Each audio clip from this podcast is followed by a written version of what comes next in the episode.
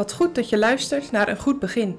In deze podcast brengen we de boodschap van Romeinen dichtbij. Vandaag met dominee Jansen.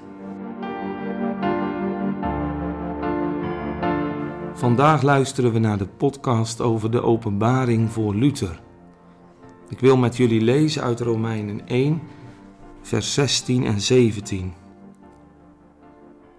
Want ik schaam mij het evangelie van Christus niet, want het is een kracht Gods tot zaligheid en iegelijk die gelooft. Eerst de Jood en ook de Griek. Want de rechtvaardigheid Gods wordt in hetzelfde geopenbaard, uit geloof tot geloof, gelijk geschreven is, maar de rechtvaardige zal uit het geloof leven. Wie kent Luther niet? Maar ken jij ook de worsteling van Luther? Misschien vraag je je af, wat was nu eigenlijk de worsteling van Luther? In gedachten zien we Luther bezig met zijn voorbereiding voor de colleges over de Romeinenbrief. Hij is aangekomen bij Romeinen 1. En hij leest de woorden die we zojuist hebben voorgelezen. En hij loopt vast op dat moeilijke woord. Het staat in vers 17. De rechtvaardigheid Gods. Hij klopt op dat woord. Hij bonkt op deze tekst. Zo schrijft hij ergens. Dag en nacht topde ik met dit woord. Misschien is jouw vraag waarom begrijpt Luther dit woord niet? Het is toch zo'n bekend woord, het komt zo vaak voor in de Bijbel. Lees maar in het Oude Testament. Hoe vaak spreken de psalmen niet over de gerechtigheid van God? De gerechtigheid van God heeft twee kanten. De gerechtigheid van God, dat betekent Gods recht. En Gods recht hoort bij Gods wet. En als het gaat over het recht van God, is dat recht van God straffend en wrekend. God moet de zonde straffen, ook jouw zonde. God toont over je zonde. Hij kan met de zonde geen gemeenschap hebben. En u leest Luther dat de rechtvaardigheid Gods in hetzelfde geopenbaard wordt. En wat bedoelt Paulus in de Romeinenbrief met in hetzelfde? Dan moet je terug naar vers 16. Daar spreekt hij over het evangelie, want ik schaam mij het evangelie van Christus niet. En Luther begrijpt niet hoe kan nu de rechtvaardigheid Gods bij het evangelie horen. Dat hoort toch bij de wet, waarin God van ons eist dat wat wij niet doen kunnen, en toch vraagt Hij het van ons totdat het licht opgaat over dit woord. Hij schrijft daarover totdat ik door Gods genade begon te begrijpen dat met gerechtigheid bedoeld wordt de gave van God. Door het evangelie wordt Gods gerechtigheid geopenbaard als een geschonken gerechtigheid.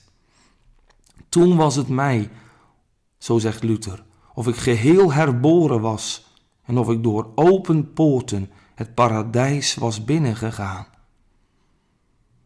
Dus wat bedoelt Paulus nu?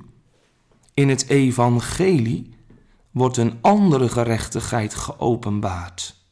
Dat betekent dat het voor ons dus bedekt is. Luther mag hier een ontdekking doen. Ken jij die ontdekking?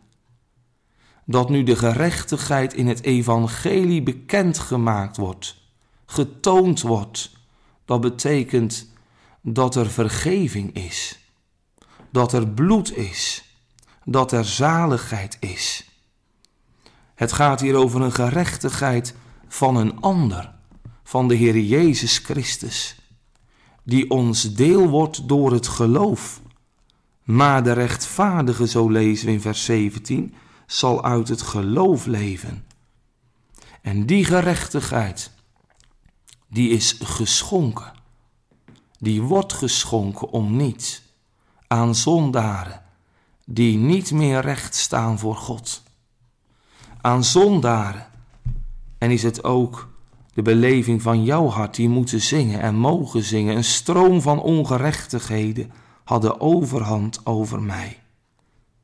Misschien heb je ook geprobeerd in een goed blaadje bij God te komen. Met jouw nette leven God te behagen. Maar je loopt muurvast, net als Luther. Hij was een onberispelijke monnik. Hij wilde één ding, God tevreden stellen. Maar de Heere liet door dit woord twee dingen zien. Ik las ergens, God liet zien wie hij was door twee blikseminslagen. De eerste blikseminslag was dat hij uit Romeinen 1 vers 17 leerde wie hij zelf was. Vol schuld, vol ongerechtigheid, vol eigengerechtigheid. Hij kan niets voor God doen wat goed is. De tweede blikseminslag was juist dit. Hij leerde door het geloof te leven. De rechtvaardige zal door het geloof leven. Is dat jou al tot troost geworden? In het evangelie hoor je over Christus. In het evangelie hoor je over Hem die voor God kan bestaan. In het evangelie hoor je over Hem het lam wat gekomen is om de zonden weg te nemen. En daarom de gerechtigheid in het evangelie is troostvol, is bevrijdend. Je hoeft niets mee te nemen. Hij heeft alles volbracht. Hij heeft de wet vervuld en daarom deze gerechtigheid redt van de dood. Nu ken ik die waarheid, zo diep als gewis, dat Christus alleen mijn gerechtigheid is. Is Hij ook de Heere, jouw gerechtigheid? Heb jij deze bedekkende gerechtigheid, waardoor je voor God bestaan kan, die redt van de dood? Deze borg en middelaar laat zich vinden. Zoek die gerechtigheid, want zijn bloed reinigt van alle zonden. Heb jij deel aan dat bloed?